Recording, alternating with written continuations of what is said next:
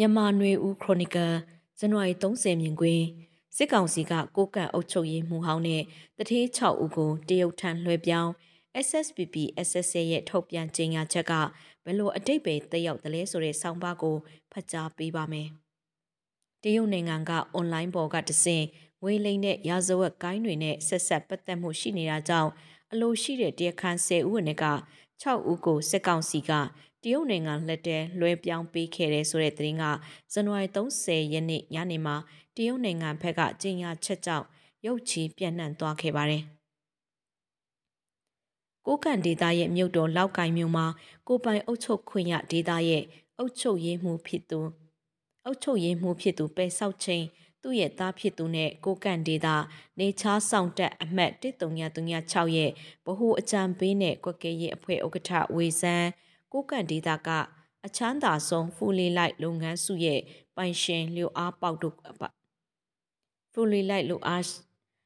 ဖိုလီလိုက်လုပ်ငန်းစုရဲ့ပိုင်ရှင်လျိုအားပေါက်တို့ပါဝင်တဲ့6ဦးကိုစစ်ကောင်စီကတရုတ်နိုင်ငံထံလွှဲပြောင်းပေးခဲ့လို့နေပြည်တော်ကနေစင်းလုံးငါလေးနဲ့တရုတ်နိုင်ငံကလာရောက်ခေါ်ဆောင်သွားတာဖြစ်ပါတယ်။နိုဘာနဲ့ဒီဇင်ဘာလတွေမှာကိုကန်ဒေတာမှာအကြီးကျယ်တိုက်ပွဲတွေဖြစ်နေစဉ်က ပင်ဆောက်ချိန်နဲ့၎င်းရဲ့တားဦးစီးတဲ့နေချားဆောင်တက်တွေကခုခံကာကွယ်တိုက်ခိုက်လိမ့်မယ်လို့မျှော်လင့်ခဲ့ကြပေမဲ့ကြီးမားတဲ့ခုခံမှုမျိုးမရှိခဲ့ပဲစစ်ကောင်စီတပ်တွေနဲ့သာတိုက်ခိုက်ခဲ့ကြပြီးဇန်နဝါရီ၄ရက်နေ့မှာတော့စစ်ကောင်စီတပ်အင်အား2400နီးပါးလက်နက်ချခဲ့ကြတာဖြစ်ပါတယ်။အဲ့ဒီအချိန်မှာကိုကန်ဒေတာရဲ့အုပ်ချုပ်ရေးမှုဟောင်းနေချားဆောင်တက်ကိုတာဝန်ယူတဲ့ပေဆောက်ချင်းရဲ့သားအဆရှိတဲ့သူတွေက လူမြင်ကွင်းတွေကပျောက်ကွယ်နေခဲ့ကြတာဖြစ်ပါတယ်။လားနဲ့ချီပျောက်ကွယ်နေခဲ့ကြရမှာ၎င်းတို့ဘယ်မှာတိန့်ရှောင်ပုံအောင်နေကြတယ်လဲဆိုတာကိုမှန်းဆချက်အချို့ကဖြစ်နိုင်ဆုံးကနေပြည်တော်လို့ယူဆခဲ့ကြတာပါလောက်ကင်ကနေစင်လုံးကရဟရင်နဲ့နေပြည်တော်ကိုထွက်ပြေးတင်းရှောင်ခဲ့ကြတဲ့ဆိုတော့ကောလဟာလာတွေလည်းပြီးခဲ့တဲ့လတွေလုံးက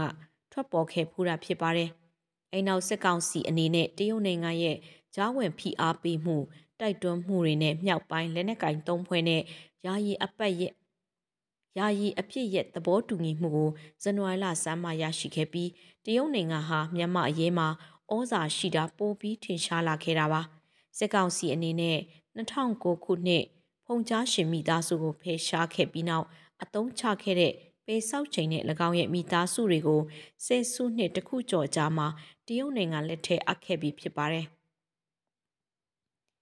2009ခုနှစ်တုန်းကပေဆောက်ချိန်တို့ကိုရွေးချယ်တာဝန်ပေးခဲ့တဲ့မြန်မာစစ်တပ်အကြီးအကဲကတန်းရွှေဖြစ်ပြီးအဲ့ဒီအနေထားတိုင်းနောက်တက်လာတဲ့မြန်မာစစ်တပ်ခေါင်းဆောင်တွေက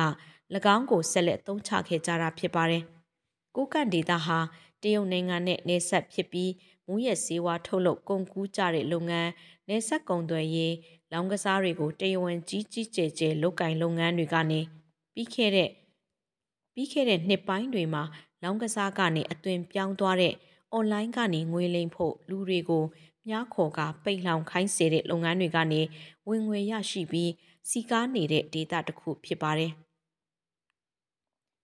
ရှမ်းပြည်နယ်မြောက်ပိုင်းနဲ့အရှေ့ပိုင်းတွေဟာခေတ်အစစ်စစ်ပရိသတ်စစ်ပရင်တွေနဲ့မူရဲ့စေဝါလုပ်ငန်းပေါ်အခြေခံတဲ့လက်နက်ကင်အဖွဲ့တွေကြီးစိုးလှုပ်ရှားလာခဲ့ကြတဲ့ဒေသတွေဖြစ်ပါတယ်။မူရဲ့စေထုတ်လုပ်ရောင်းဝယ်တာကာစီနိုလောင်းကစားလုပ်ငန်းတွေက တရုတ်နိုင်ငံအဖို့ကြီးကြီးမားမားပြဿနာမရှိခဲ့ပေမဲ့ခုနှစ်ပိုင်းတွင်ခုနှစ်ပိုင်းတွင်ကျဲလာတဲ့အွန်လိုင်းငွေလိမ်လုပ်ငန်းကတော့တရုတ်နိုင်ငံကတရုတ်စကားပြောသူတွေကိုပြစ်မှတ်ထားလှုပ်ဆောင်တာကြောင့်ထိခိုက်မှုကြီးကြီးမားမားရှိနေပြီးတရုတ်နိုင်ငံကဒီရဇဝတ်မှုတွေမှာပါဝင်ပတ်သက်နေသူတွေကိုစုံစမ်းထုတ်လှမ်းတာပေါ်ထုတ်တာတွေလှုပ်ဆောင်ခဲ့ပြီးဒီလုပ်ငန်းတွေအခြေစိုက်ရာနေရာမြန်မာနိုင်ငံထဲကကိုပိုင်အုပ်ချုပ်ခွင့်ရဒေသအချို့ကအုပ်ချုပ်သူတွေ လုပ်ငန်းရှင်တထေးတွေကတရုတ်နိုင်ငံကအွန်လိုင်းငွေလိမ်ကိုင်းရာဇဝတ်မှုနဲ့အလိုရှိသူတွေဖြစ်နေကြတာပါစစ်ကောင်စီအနေနဲ့အစောပိုင်းမှာတရုတ်နိုင်ငံရဲ့လိုလားချက်တောင်းဆိုချက်တွေကိုသိအရေးမထားခဲ့ပေမဲ့တစ်တုံရနှစ်ခွန်စစ်စင်ရေးပေါ်ထွက်လာပြီးစစ်ရေးအရာအရှုံးတွေစက်တက်ရင်ဆိုင်နေရချိန်တရုတ်နိုင်ငံရဲ့ဩဇာတရုတ်နဲ့နင်းနမိတ်ထိဆက်နေတဲ့နေမြေတွေက တိုင်းသားလက်နက်ကင်အဖွဲ့တွေအပေါ်အသုံးချနိုင်တဲ့ဖိအားတွေကိုလိုအပ်ရာကတရုတ်နိုင်ငံနဲ့ကောင်းမွန်တဲ့ဆက်ဆံရေးအနေထားရောက်ဖို့စစ조사ခဲ့တာဖြစ်ပါတယ်။အခုနောက်ဆုံးကိုကန့်ဒေတာအုပ်ချုပ်ရေးဦးစီးမှုဟောင်းပေဆောက်ချိန်နဲ့နေချားဆောင်တက်မှုတာဝန်ယူခဲ့ဘူးသူပေဆောက်ချိန်ရဲ့သားဖြစ်သူတို့ကိုတရုတ်နိုင်ငံထံလွှဲအပ်လိုက်ခြင်းဟာရခင်စစ်တပ်နဲ့ရှိခဲ့တဲ့ဆက်ဆံရေးအပေးအယူငှဲ့ကွက်စရာတွေထက်တရုတ်နိုင်ငံနဲ့ မျက်နှာမပြေရကပိုအရေးကြီးကြောင်းပြသတဲ့သဘောလို့ကောက်ချက်ချနိုင်တာဖြစ်ပါတယ်ဒီနေ့ဖို့နောက်အကြောင်းအရာတစ်ခုကလည်းရှမ်းပြည်နဲ့ဆက်ဆက်တဲ့အကြောင်းအရာပဲဖြစ်ပါတယ်ရှမ်းပြည်နယ်မှာရှမ်းလူမျိုးလက်နက်ကိုင်နှစ်ဖွဲ့ရှိတဲ့အနက်တစ်ဖွဲ့ဖြစ်တဲ့ရှမ်းပြည်တိုးတက်ရေးပါတီရှမ်းပြည်တက်မတော်လို့တရားဝင်အပြည့်စုံခေါ်ဝေကြတဲ့ SSPP SSA ဖွဲ့ကဗဟိုကော်မတီမျက်နှာစုံကြီး2023နှစ်ချုပ်အစည်းအဝေးပြီးနောက်ထုတ်ပြန်ကြေညာချက်တစ်စောင်ထုတ်ပြန်ခဲ့တဲ့သတင်းဖြစ်ပါတယ်။ထုတ်ပြန်ကြေညာချက်မှာကိုရက်တာကျင်းပခဲ့တဲ့ဗဟိုကော်မတီမျက်နှာစုံကြီးအစည်းအဝေးကအာနာရှင်အာနာရှင်စနစ်မဟာလူမျိုးကြီးဝါဒနဲ့နေမြေချက်ထွင်ရေးဝါဒတို့ကိုစန့်ကျင်ပြီးတန်းတူရေးကို တန်းတူရေးနဲ့ကိုပိုင်ပြတ်ထန်းခွင့်ကိုအခြေခံသော Federal Democracy ပြည်ထောင်စုကိုတည်ဆောက်နိုင်မှသာလျှင်ဖွံ့ဖြိုးတိုးတက်တဲ့ပြည်ထောင်စုကိုတည်ဆောက်နိုင်မယ်လို့ပါရှိပါတယ်။အရီနောက်အာနာရှင်စနစ်မဟာလူမျိုးကြီးဝါဒကျင်းမြောင်းသောအမြင်ရှိသည့်မြက်ကံမျိုးချစ်ဝါဒနဲ့နေမြေချစ်ထွင်ဝါဒများကိုစန့်ကျင်သောမိတ်ဆွေများနဲ့ပူးပေါင်းချီတက်သွားမယ်လို့ပါရှိတာဖြစ်ပါတယ်။ ဖက်ဒရယ်ပြည်ထောင်စုတည်ဆောက်ရေးရည်မှန်းချက်အာဏာရှင်ဝါဒဆန့်ကျင်ရေးမဟာလူမျိုးကြီးဝါဒဆန့်ကျင်ရေးစတဲ့ရက်တီချက်သဘောထားတွေကရခင်ကလေးကရှိခဲ့တဲ့သဘောထားတွေလို့မှတ်ယူနိုင်ပြီးရခင်ဖော်ပြလက်ရည်ညွှန်းလက်မရှိတဲ့နေမြေချစ်ထွင်ရေးဝါဒနဲ့မြက်ကမျိုးချစ်ဝါဒဆိုတဲ့စကားလုံးတွေထည့်သွင်းထားခြင်းကလက်တလောဖြစ်ပြနေတဲ့အခြေအနေတွေအပြိုင်မှုတွေကိုထင်ဟပ်ပြသလိုက်တဲ့စကားလုံးတွေလားလို့မှန်းဆကြည့်ရပါတယ်။ တစ်တုံရနှစ်ခွန်စစ်စင်တိုက်ပွဲတွေနှစ်လကျော်သုံးလတာဖြစ်ပွားခဲ့စဉ်အတွင်းရှမ်းမြောက်ကနေမြေတွေမြို့တွေကိုအခြားသောတိုင်းသားလက်နက်ကင်အဖွဲ့တွေကတိုက်ခိုက်သိမ်းယူပြီးအုပ်ချုပ်ရေးစတင်လဲပတ်ဖို့စ조사နေကြတဲ့အခြေအနေမျိုးကိုရောက်ရှိနေချိန်မှာ SSPP SSA ကအခုလိုစကလုံးအုံနှုံသုံးဆွဲခဲ့တာကရှမ်းမြောက်ဒေသကမြို့နဲ့ကြေးရွာတွေရဲ့နေထိုင်တဲ့လူမျိုးစုအရာဆက်ဆက်သက်ဆိုင်မှုတမိုင်းအစင်အဆက်အရာသက်ဆိုင်မှု တစ်တုံရနှစ်ခုမတိုင်မီကျေးရွာတွေအပေါ်ရှဲရိုအစိုးရတပ်ဖွဲ့အုပ်ချုပ်နေခဲ့တဲ့အစဉ်လာတွေအရအချို့သောလက်နက်ကင်အဖွဲ့တွေတင်ယူထားတဲ့နေမြေတွေက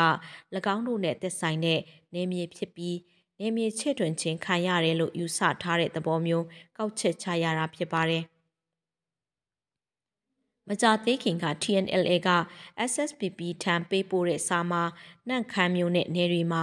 SSPP SSA ကစစ်သားစုဆောင်းတာအခွန်ကောက်တာမလုပ်ဖို့မြေတားရက်ခံကြောင်းပါရှိတာဖြစ်ပါတယ်။ ရှမ်းလူမျိုးတွေပလောင်လူမျိုးတွေပါနေထိုင်ကြတဲ့ဒေသကိုတစ်တုံရနှစ်ခွန်စစ်စင်ရဲ့တွင် TNLA ကတိုက်ခိုက်သိမ်းယူနိုင်ခဲ့တာကြောင့်လက်ရှိအနေအထားမှာအဲ့ဒီဒေသကို TNLA ကအုပ်ချုပ်ရေးအရတာဝန်ယူပြီးအခြားသောလက်နက်ကိုင်အဖွဲ့တွေကလူသစ်စုဆောင်းတာအခွန်ကောက်တာတွေကိုတားမြစ်တဲ့အနေအထားဖြစ်ပါတယ်။ဒီလက္ခဏာရက်တွေကိုကြည့်ရင်လူမျိုးစုတွေပေါ်အခြေပြုဖွဲ့စည်းထားတဲ့လက်နက်ကင်အဖွဲ့တွေအချင်းချင်းကြားတမိုင်းအစင်ဆက် လူမျိုးစုတစ်မျိုးမက